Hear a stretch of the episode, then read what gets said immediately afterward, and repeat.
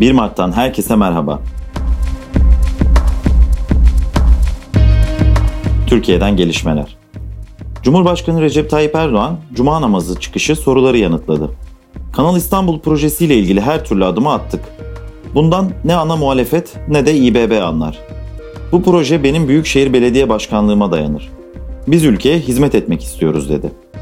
Ermenistan'daki darbe girişimiyle ilgili ise yönetim değişikliğine gidilecekse bu değişikliği Ermenistan halkı yapar. Paşinyan'ın akıbeti zaten belli olmuştur. Onu halk kendisi baş aşağı edecek duruma geldi. Ama olay darbe olunca bakışımız farklı dedi.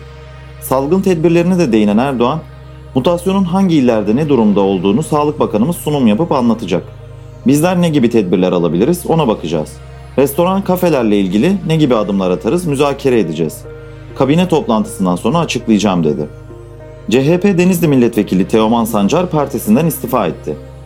Yeni Asır gazetesinde geçtiğimiz Şubat'ta 17 vekilin Muharrem İnce'nin partisine geçeceği iddia edilmişti. Haberde ismi geçen vekiller ortak bir açıklamayla haberi yalanlamıştı.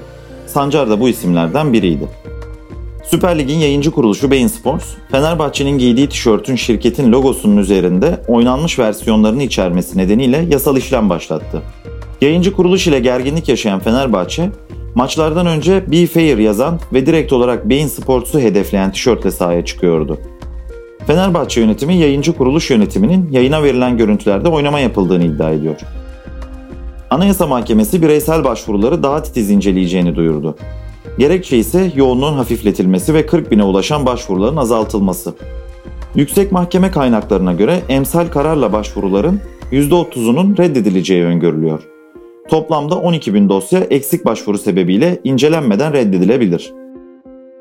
Azerbaycan Cumhurbaşkanı İlham Aliyev, Türkiye'de üretilen en modern silahların Azerbaycan'a getirilmesi için mutabakat sağlandığını açıkladı. Aliyev, Azerbaycan'da Türk ordusunun küçük modelini oluşturacağız.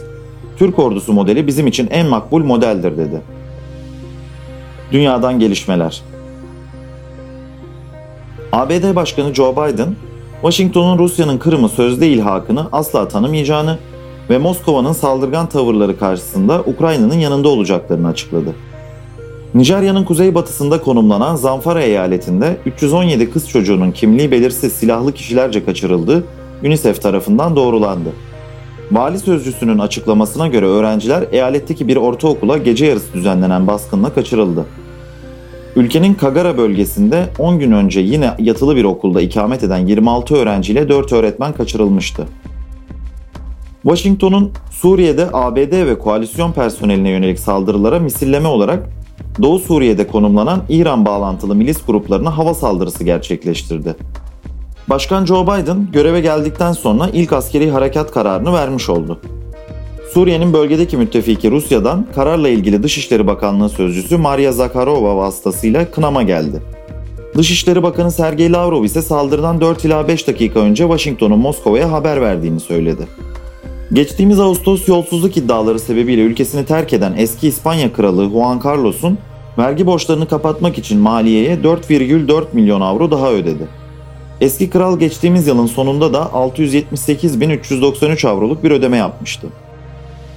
Novus'ta gelişmeleri dinlediniz. Hoşçakalın.